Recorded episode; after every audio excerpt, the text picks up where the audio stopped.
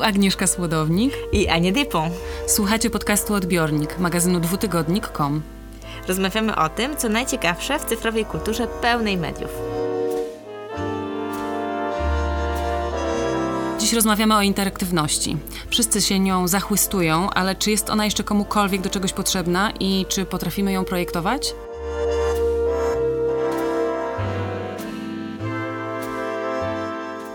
Podcast, odbiornik, kulturalne hybrydy, słodownik i depon.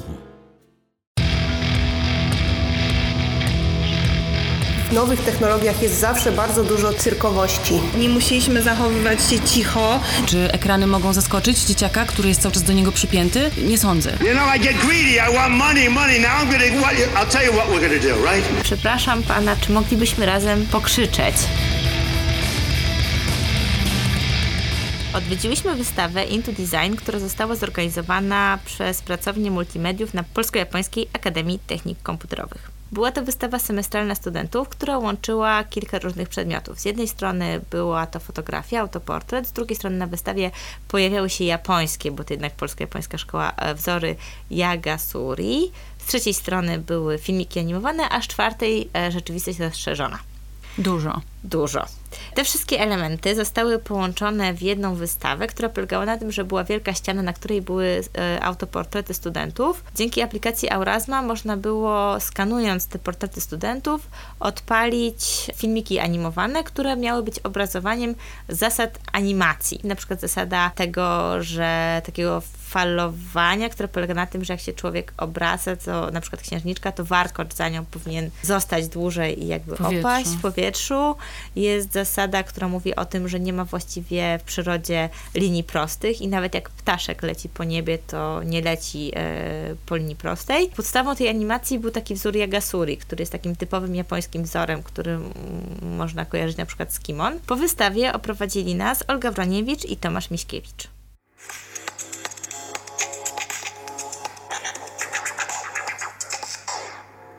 Jest taka wystawa, która była, została zrobiona przez studentów i jest to dosyć specyficzne środowisko, no bo jednak są inni studenci, są ludzie, którzy wiedzą w ogóle w jaki sposób do tego podejść, oprócz mnie, która miałam kłopot z tym, e, co mam nacisnąć w aplikacji.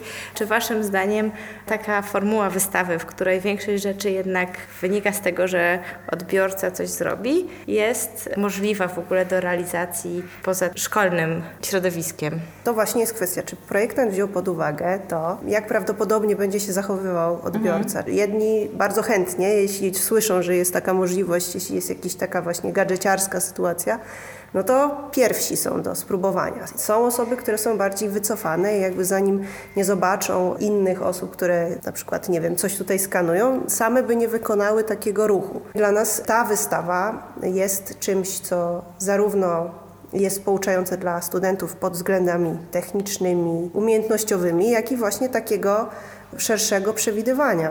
Ostatnio wróciła do mnie taka kategoria lean back i lean forward, taka kategoria mediów, które wymagają tego, że możesz się rozsiąść wygodnie w fotelu i takich mediów, które wymagają od Ciebie, żebyś się pochylił, tak jak gry komputerowe, które Cię angażują.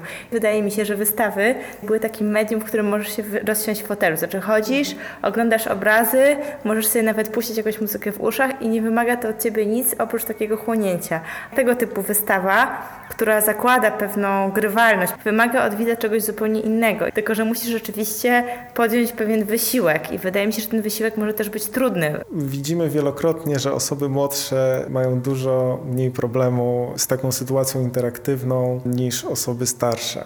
Osoby młodsze od razu już się rodzą z, nazwijmy to z takim wyczuciem interfejsu, wyczuciem menu. Jeśli zabrną w dziesiąte pod menu w którymś tam miejscu, to nie jest dla nich żaden problem. Nie, ja myślę, że to nie jest kwestia rodzenia się po prostu. Widzę, że nie zdążyła się ta ostrożność wykształcić, a już to urządzenie było w, w zasięgu ręki. No i to widać po dzieciakach, jak się garną do telefonu właśnie bez tego wykształconego strachu, który jest doświadczeniem dorosłych, że coś zepsuli. I to chyba jest też kwestia jakichś takich przyzwyczajeń z tego, jak działają maszyny, przedmioty. Z kolei właśnie w jakim wieku przyswoiło się w ogóle obsługę interfejsów typu okienka, typu foldery, czy jesteśmy osobami, które mają pewien dystans, czy ten dystans jest przez nas codziennie na przykład przekraczany. My uczymy multimediów, to też jest jakby takim celem cichym wykształcenie nie tylko po prostu umiejętności poruszania się w multimediach, ale tego, żeby nie tracić świeżości.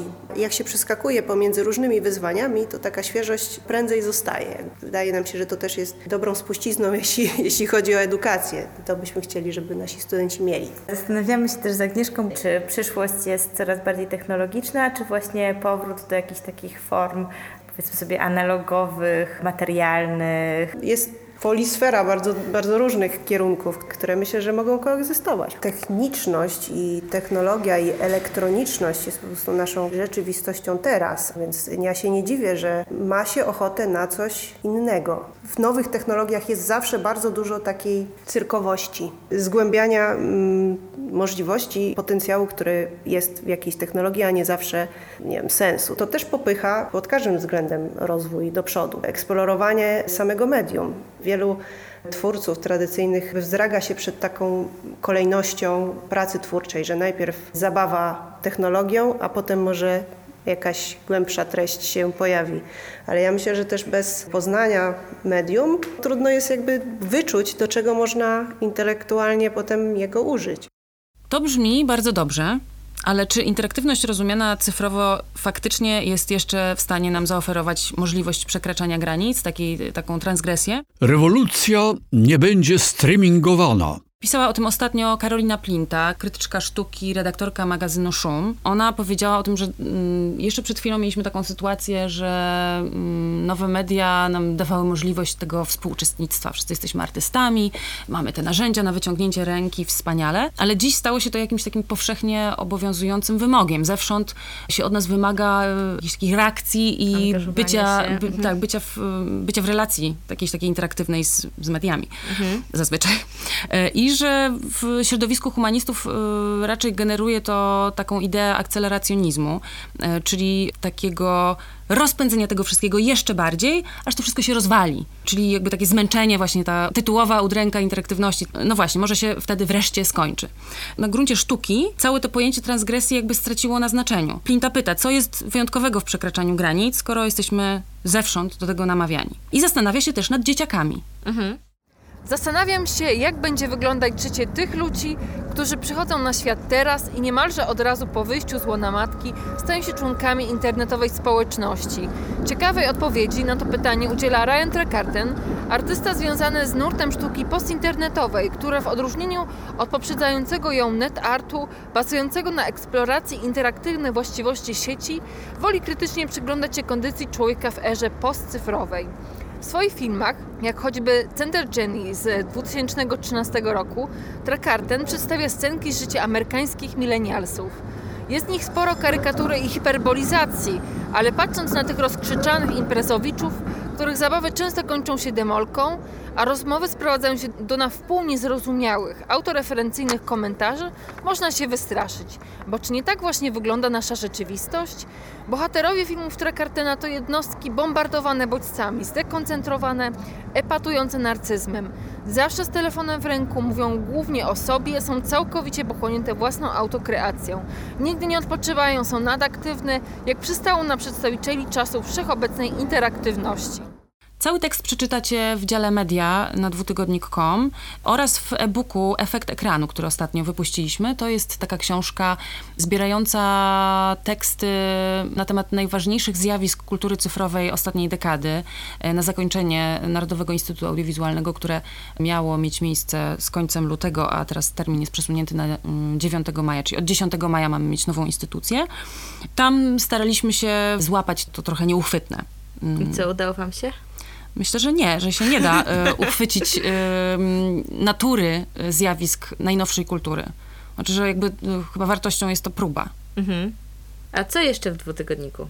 Tymczasem w numerze. Piotr Kowalczyk, dział muzyka w dwutygodnik.com. Co słychać w dziale muzyka? No jak zwykle moc atrakcji. Rok zaczęliśmy kolejnym tekstem Janka Topolskiego z serii Muzyka 2.1. To jest cykl prezentacji sylwetek polskich kompozytorów młodych lub średniego pokolenia. Tym razem Janek Topolski przedstawił postać Jacka Sotomskiego. To jest kompozytor z Wrocławia, który balansuje na skraju powiedzmy świata akademickiego i takiego bardziej związanego z muzyką undergroundową. Tworzy duet e, Sultan Hagawik, który wydaje muzykę na kasetach. Są to takie noisowe przeróbki bardzo złej muzyki, nie wiem, disco polo czy traszowych e, klimatów. Taka akademicka muzyka współczesna coraz mocniej przenika się i ze światem kultury postinternetowej i z muzyką undergroundową, która ma swój zupełnie inny obieg. Wywiad Moniki Pasiecznik dotyczy cyklu słuchowisk, które zostały zamówione przez Instytut Teatralny i są emitowane raz w miesiącu w programie trzecim Polskiego Radia. To jest bardzo ciekawe, że właśnie forma eksperymentalnego słuchowiska teatru radiowego przenika się i wraca do mainstreamu. Publiczność jednego takiego e, słuchowiska to podobno 200 tysięcy osób, a więc całkiem spore audytorium jak na dość eksperymentalne prace. Mamy rok awangardy, więc dobrze, że takie rzeczy też trafiają do jednej z największych polskich rozgłośni, jaką jest Trójka. Wracamy do naszej rozmowy nad interaktywnością. Karolina Plinta, której fragment tekstu mogliśmy wysłuchać z ust własnych autorki, pisała o dzieciakach, o tej nadaktywności, o przebodźcowaniu i w związku z tym możemy sobie zadać pytanie, czy tworzenie kolejnych takich wystaw ala Kopernik dla dzieciaków odpowiada jeszcze na potrzeby takich przebodźcowanych dzieci. W zeszłym roku wziąłam udział w konkursie na Interaktywne Centrum Bajki i Animacji przy Studiu Filmów Rysunkowych w Bielsku Białej, czyli tych od Reksia i od Bolka i Lolka. Praca nad scenariuszem tej wystawy wystawy była dla mnie przyczynkiem do odpowiedzi y, na to pytanie. Tak jak wcześniej przy tworzeniu Kultury 2.0, ta interaktywność wciąż wydawała mi się wartością i zbieranie takich inicjatyw i różnych dziwnych eksperymentów medialnych w jednym miejscu wydawało się czymś potrzebnym. Teraz wyszłam z założenia, że te ekrany są czymś tak codziennym, nie jest to już żadna egzotyka i że w ten sposób nie jesteśmy w stanie dzieciaków jakby wprowadzić w taki świat fantazji, bo tym jest wystawa, jest zawsze wyjściem z jakichś konwenansów i to być wejście w jakiś taki świat zaskakujący. Czy ekrany mogą zaskoczyć dzieciaka, który jest cały czas do niego przypięty? Nie sądzę. Chciałam ci pokazać projekt, który wygrał. Powiedz mi, co tutaj widzisz? Tak jak na pierwszy rzut oka. Ania to widzi pierwszy raz. Widzę tutaj wizualizację, na której jest bardzo dużo dzieci. I te wszystkie y, dzieci oglądają rzeczy na ekranach, na tabletach. Jest stół multimedialny, jest hologramowy Reksio. Głównie są ekrany i są dzieci z tabletami i z ekranami. To jest projekt e, studia Nizio, które jest odpowiedzialne też za wystawę w, w Polinie. Czy byłaś na tej wystawie? Mhm. Pamiętam gazetki ścienne, tą synagogę piękną, zrekonstruowaną, natomiast ekranów nie pamiętam. Znaczy rzeczywiście było tam dużo różnych mediów, ale wydaje mi się, że były bardzo multi medialne, mm. nie mhm. tylko y, cyfrowe. Natomiast tutaj w tym projekcie, który pokazuje, rzeczywiście jest tak, że jest dużo ekranów, Wydaje mi się, że też jest kwestia publiczności. To znaczy, że jak ktoś chce robić wystawę dla dzieci, to myśli, co dzieci, co jest takim e, naturalnym środowiskiem dla dzieci i po prostu, że te ekrany są takim czymś, co dzieci zrozumieją i że ta bariera wejścia będzie łatwiejsza. Natomiast jak robisz wystawę, którą będą różni e, sprawiedliwi odwiedzać, to myślę, że sięgasz po takie bardziej klasyczne e, środki narracyjne. Więc wydaje mi się, że to właśnie opiera się nie na tym elemencie zaskoczenia, o którym ty mówisz, że wchodzimy w świat fantazji, wchodzimy w zupełnie nowy świat, tylko wręcz przeciwnie, że to polega na pewnej ciągłości i na takiej łatwości tych środków. Ale z drugiej strony na przykład interaktywny plac zabaw, który robiło w parę, lat temu, który był fizyczną wystawą, chociaż wystawą mediów, bardzo fajnie się sprawdził. Daj oczom odpocząć. Ja też ostatnio byłam na wystawie, która jest interaktywna, która jest, była w ciemnym pomieszczeniu i właściwie były, może nie ekrany, ale też sprzęty y, no, interaktywne. To jest wystawa, która się nazywała No Pain, No Game, zorganizowana w Centrum Sztuki w Rowe w Wrocławiu.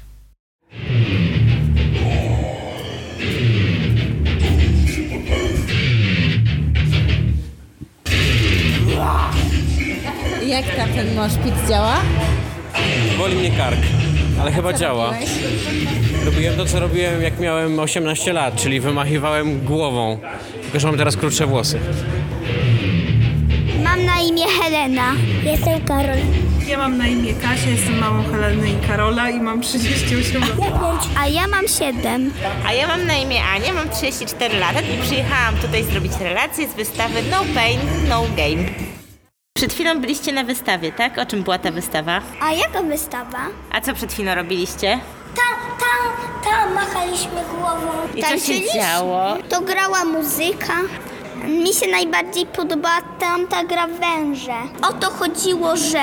Że, żeby zbierać kropki. Pedały są w, róż- w kolorach. y, czerwonym, żółtym. Ktoś jest czerwonym wężem, a ktoś jest żółtym wężem, druga osoba.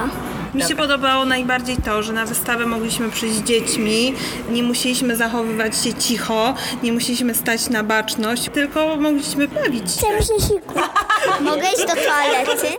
Co tam się działo? To jest wystawa duetu artystów, który się nazywa FUR, Volkera Morawe i Tinmana Rajfa, którzy stworzyli takie różne mechanizmy przypominające gry. Między innymi był ten wąż, o którym opowiadają dzieci. To był taki dwuosobowy wąż, którym po prostu się na podłodze była projekcja e, z grą węża, tylko że tego węża się prowadziło naciskając pedały. W sensie trzeba było rzeczywiście ruszać nogą i tam w zależności od tego, gdzie się, gdzie się stanęło, to ten wąż e, szedł w inną stronę. Było to, o czym ludzie mówią, czyli ten moshpit. I to polegało na tym, że jak się ruszało głową, to z głośnika leciała muzyka, tak jak e, na koncercie rockowym. To nie była wystawa dla dzieci. Znaczy akurat jak tam byłam, to były dzieci, była rodzina. Natomiast to była wystawa, która też była dla dorosłych. Między innymi była gra bardzo dla dorosłych z tytułowym właśnie bólem. Była to gra, w której taki pong, w którym się odbijało piłeczkę. Dwie, dwie osoby się grało. Natomiast jeżeli ci ta piłeczka gdzieś spadła, to dosta- obrywałaś po rękach. W sensie jedną ręką grałaś to. Ale kto ci drugą po tych rękach? Było, był taki Linijka? Była page. linijką? Ta, był, był taki page, w sensie trzymało się rękę na takim podajniku. I małe, małe bzyknięcie prądem. Tak, w zależności były różne kary. Było małe bzyknięcie prądem, był page, który cię tak walił po rączce i też czasem się podgrzewało i po prostu robiło się super gorąco. Więc za każdym razem jak przegrywałaś, to mogłaś również mieć fizyczne kary, które ci wymierzała gra za to, że właśnie e, piłka ci zleciała. Czy to cię motywowało do gry? Znaczy do wygrywania? Myślę, że to jest w ogóle pytanie, co cię motywuje do gry, nie? Że jakby kij i marchewka, czy bardziej punkty, czy bardziej strach przed tym bólem, nie? Natomiast była też na przykład taka instalacja. It's coming from all over South and Latin America, and it's coming probably the difference between a wet raccoon and Donald J. Trump's hair. A wet raccoon doesn't have seven billion fucking dollars in the bank. You know, I get greedy. I want money, money. Now I'm gonna. What, I'll tell you what we're gonna do, right? We get greedy, right? Now we're gonna get greedy for the United States. We're gonna grab and grab and grab. We're gonna bring in so much money and so much everything. We're gonna make America great again, folks. I'm telling you, we're gonna make America great. Tu właściwie nie było żadnej gry. To były takie dziadki, tak jak z tego spektaklu Dziadek do Orzechów, takie e, drewniane ludziki. Jeden ludzik to był Obama, drugi to był Trump i te ludziki miały w sobie w, w siebie wgrane różne przemówienia obu prezydentów. Mm, Widziałam tą wystawę jeszcze przed wynikami wyborów, wydaje mi się. Znaczy na pewno ona była robiona e, jeszcze e, za e, administracji Baracka Obamy. I były fragmenty wypowiedzi obu prezydentów i można było sobie po prostu stroić te, tak jak radio się stroi, Mhm. przek, przek, przekręcając w takie pokrętło te dwie mm, figurki, wybierając sobie fragmenty różnych przemówień, które tam były wgrane. Więc Czyli, że było- kręcę w jedną stronę i bardziej słyszę Baracka Obamę, a nie, drugą były nie. dwie, były każdy, każdy z prezydentów miał swoją figurkę i Aha. każda figurka miała wgrane wypowiedzi i po prostu można było przeskakiwać z wypowiedzi do wypowiedzi. Więc tak naprawdę tutaj ten element grywalizacji Mhm. nie był zbyt duży. Znaczy rozumiem, że gra, która się roz, rozgrywa, rozgrywa się nie między odbiorcą wystawy a e, obiektem, tylko Między obiektem a między obiektem. obiektem a obiektem. Czyli jednak polityka to gra. Tak, owszem, również to giełda to chodzi. gra, była A. też instalacja o giełdzie, ale niektóre nie były polityczne. Była na przykład instalacja, która polegała na tym, że był taki wielki stół z labiryntem, jakby fizyczny, nie ekran czy coś, tylko po prostu rzeczywiście fizyczny labirynt z, fizy- z fizyczną piłeczką. Były dwa mikrofony i w zależności od dźwięków, które się wydawało przez ten mikrofon, to ten stół się poruszał.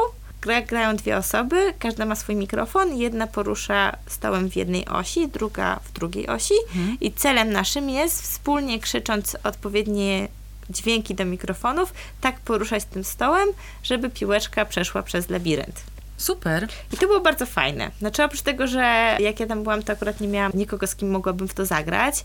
To też jest kwestia tego, że musisz gdzieś tam przekroczyć swoje granice, nie tylko wchodząc w, jakby w interakcję i dlatego wydaje mi się, że dzieciom jest łatwiej, że dla nich jakby taka ludyczność, zabawa, to, że po prostu gdzieś tam skaczesz po tym wężu jest dużo łatwiejsze, niż to, że muszę kogoś zaczepić i powiedzieć, przepraszam pana, panią, czy moglibyśmy razem pokrzyczeć?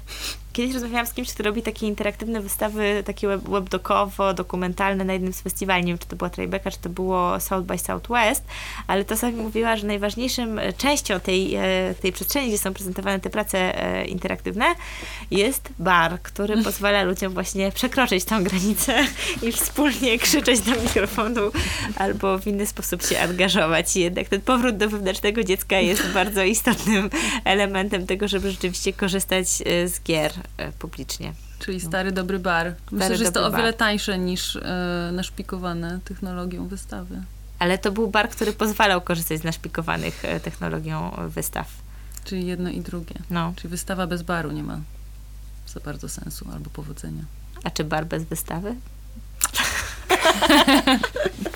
Targamy za uszy.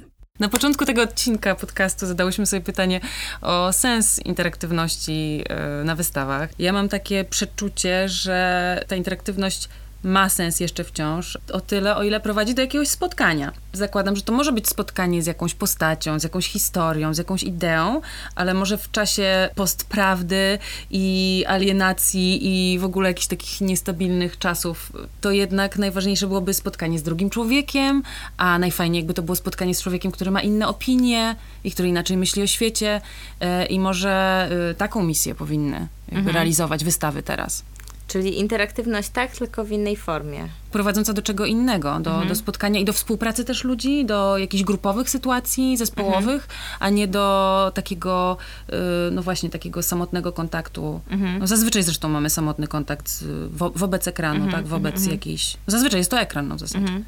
No ja ostatnio trafiłam, ostatnio był taki wątek w ogóle we Francji, e, gdzie ktoś wieścił koniec transmedia, także transmedia umarło. Transmedia w przeciwieństwie do interaktywności, jakby jak jest taki model obrazowania, no to e, linearny film, czy linearna historia, po prostu można ją zobrazować jako strzałkę, po prostu leci sobie opowieść. Interaktywność jest obrazowana jako taki zespół dwóch, dwóch współrzędnych, w których e, wypadkową tych dwóch współrzędnych jest gdzieś e, ta historia, która się może pleść w różne sposoby. Natomiast transmedia, jakby rysunek, który to pokazuje, to są takie strzałki we wszystkie kierunki, które wychodzą od jednego punktu. Nie można sobie w ten sposób to wyobrazić i że te historie się rozwijają naraz na różnych platformach, w różne strony i że to jest jakiś taki powiedzmy syntetyczny model tego, w jaki sposób można sobie wyobrazić, czym są, czym, czym są transmedia. We Francji dosyć dużo powstaje prac takich interaktywnych i transmedialnych, e, natomiast ostatnio jest debata na temat tego, że głównie są one sponsorowane, jeżeli chodzi o audiowizualność przez e, telewizję Arte i przez e, France 2, e, ale że właściwie nie wytworzył się żaden rynek na tą multimedialność, że ta multimedialność, e, czy tam transmedialność e, umarła i że właściwie nie ma żadnej e, szansy żeby z tego się zrobił jakiś rzeczywisty biznes. No myślę, że to, co ty mówisz, e, jakby totalnie idzie w tym samym kierunku. W momencie, w którym mówimy o jakimś wpływie, jakiejś relacji, o tym, że ktoś wpływa na jak, jakąś pracę, na jakieś dzieło, to że jednak bardzo ważna jest ta postać widza i odbiorcy i w momencie, w którym się uśrednia tą postać widza i odbiorcy, żeby uzyskać efekt skali, żeby każdy mógł w to, w to wchodzić w interakcję, to tak naprawdę gdzieś tam się e, zaburza tą relację. No ale to wtedy by z tego wynikało, że posługiwanie się i opieranie się głównie na technologiach, to znaczy na jakichś e, ustandaryzowanych schematach, które narzuca nam system komputerowy jakiś, tak? No to już właśnie skazuje to na porażkę. Tak, i dlatego E, to, o czym ty mówisz, ten indywidualny kontakt, że po prostu, że masz kontakt one-on-one z prawdziwym, żywym człowiekiem, tylko ma sens. Słuchacie podcastu Odbiornik. magazynu kulturalnego dwutygodnik.com. Kiedy przygotowałam się jakoś do naszej dzisiejszej rozmowy, to natrafiłam na artykuł z The Wire, który ma, uwaga, uwaga, 24 lata. Jest, y, wydrukowałam sobie internet nawet z tej okazji, jak Państwo słyszą. 1 stycznia 1993 tak. roku został opublikowany. To jest artykuł, który opowiada o jakichś targach komputerowych, gdzie była prezentowana jakiś komputer przyszłości. Był filmik taki promocyjny, który pokazywał to, że kiedyś to będzie w ogóle taka ściana w mieszkaniu, na której będzie taki właśnie multimedialne centrum i jest scenka rodzinna, w której dzieci z rodzicami oglądają mecz i dzieci na tym ekranie wyszukują sobie treści, profile tych piłkarzy, którzy właśnie biorą udział. Jednocześnie w tym momencie dzwoni dziadek, więc wyskakuje takie okienko i ten dziadek na takim wideokolu rozmawia z tą rodziną, że właściwie można zastopować ten mecz, który w ogóle leci na żywo na tym ekranie, Aha. a potem można sobie to w ogóle odtworzyć. No i autor jest ogólnie dosyć krytyczny wobec w ogóle samej idei wideowalla i takiej tapety, e, komputerowej tapety. Mhm. I to akurat e, okazało się słuszną intuicją. E, jest krytyczny wobec tego, że dzieci tak zgodnie będą się godzić co do tego, które z sylwetek piłkarzy będą e, w tym momencie googlować koniec końców, no bo to właśnie robią. Natomiast poza tym ten filmik, który powstał te 25 lat temu, jakby dosyć dobrze wydaje mi się obrazuje to, w jaki sposób ta interaktywność rzeczywiście e, mhm. przebiega. Mhm. Tekst sprzed 25 lat nazywał się Is Interactive Dead? Mhm. I już wtedy takie się pojawiały pytania, jego zdaniem nie chodzi o to, że interaktywność e, polega na tym, że się siedzi przed, e, przed tym ekranem, że się pojawia dziadek, że się wyciąga jakieś, że jednocześnie się ogląda mecz i się wyszukuje informacje o e, graczach, ale że chodzi o to, żeby wyciągnąć tą publiczność z tych foteli na zewnątrz, do stadionów, żeby pozwolić im jakoś latać nad tym stadionem i żeby takie bardziej, że te bardziej subtelne formy interakcji, które się opierają jednak na symulacji, na jakiejś metaforze przestrzeni, dużo większe budzą nadzieję. To się sprawdziło, bo tak jak teraz pojawia się wątek tego, że ta transmedialność, może taki rynek transmedia być może już umarł, to bardzo duże nadzieje są pokładane w wirtualnej rzeczywistości, która jest właśnie taka. To jest medium przestrzeni, to jest medium co totalnego zanurzenia się. Ale wiesz co, mam wrażenie, że teraz nadzieje pokładane w wirtualnej rzeczywistości są, tak jakby wirtualna rzeczywistość zastąpiła internet. Okay. Znaczy, że kiedyś było tak, że to ten internet wszystko zmieni. A teraz mam wrażenie, że internet nas rozczarował, e, totalnie się skomercjalizował, mamy nową, nowy hype na, na wirtualną rzeczywistość. Okej, okay, dobra, potrzebujemy czegoś takiego, potrzebujemy spoglądać na coś, tak? Coś na coś następnego, ale tak sobie jak, jak słucham, jak referujesz ten, e, ten artykuł z, z 93 roku, to myślę sobie, na ile tak naprawdę pełne zanurzenie, pełna imersja może w ogóle y, być jakby wygenerowana przez technologię. Mhm. Czy pełną imersją nie jest jednak zagranie w piłkę na trawniku? Może to jest jednak najpełniejsza imersja w jakąś sytuację, czego y, żaden hełm y, i okulary i słuchawki nie będą w stanie nam jakby wyimitować. To co, ściągamy słuchawki, i wychodzimy na, e, dwór. na trawę. Wiosna przyszła. Jeżeli chcieliby się Państwo podzielić z nami swoimi doświadczeniami interaktywnymi i innymi, zapraszamy też do dzwonienia na naszą pocztę głosową. Nasz numer to niezmiennie 78202 8303. Do usłyszenia niedługo. Do usłyszenia. Podcast Odbiornik przygotowały i zrealizowały Anna Depont i Agnieszka Słodownik. Redakcja dwutygodnika to Zofia Król, Paweł Soszyński, Maciej Jakubowiak, Jakub Socha, Paulina Wrocławska, Piotr Kowalczyk i ja. Sekretariat redakcji Melisa Czaplicka. Wydawca Narodowy Instytut Audiowizualny. Marzec 2017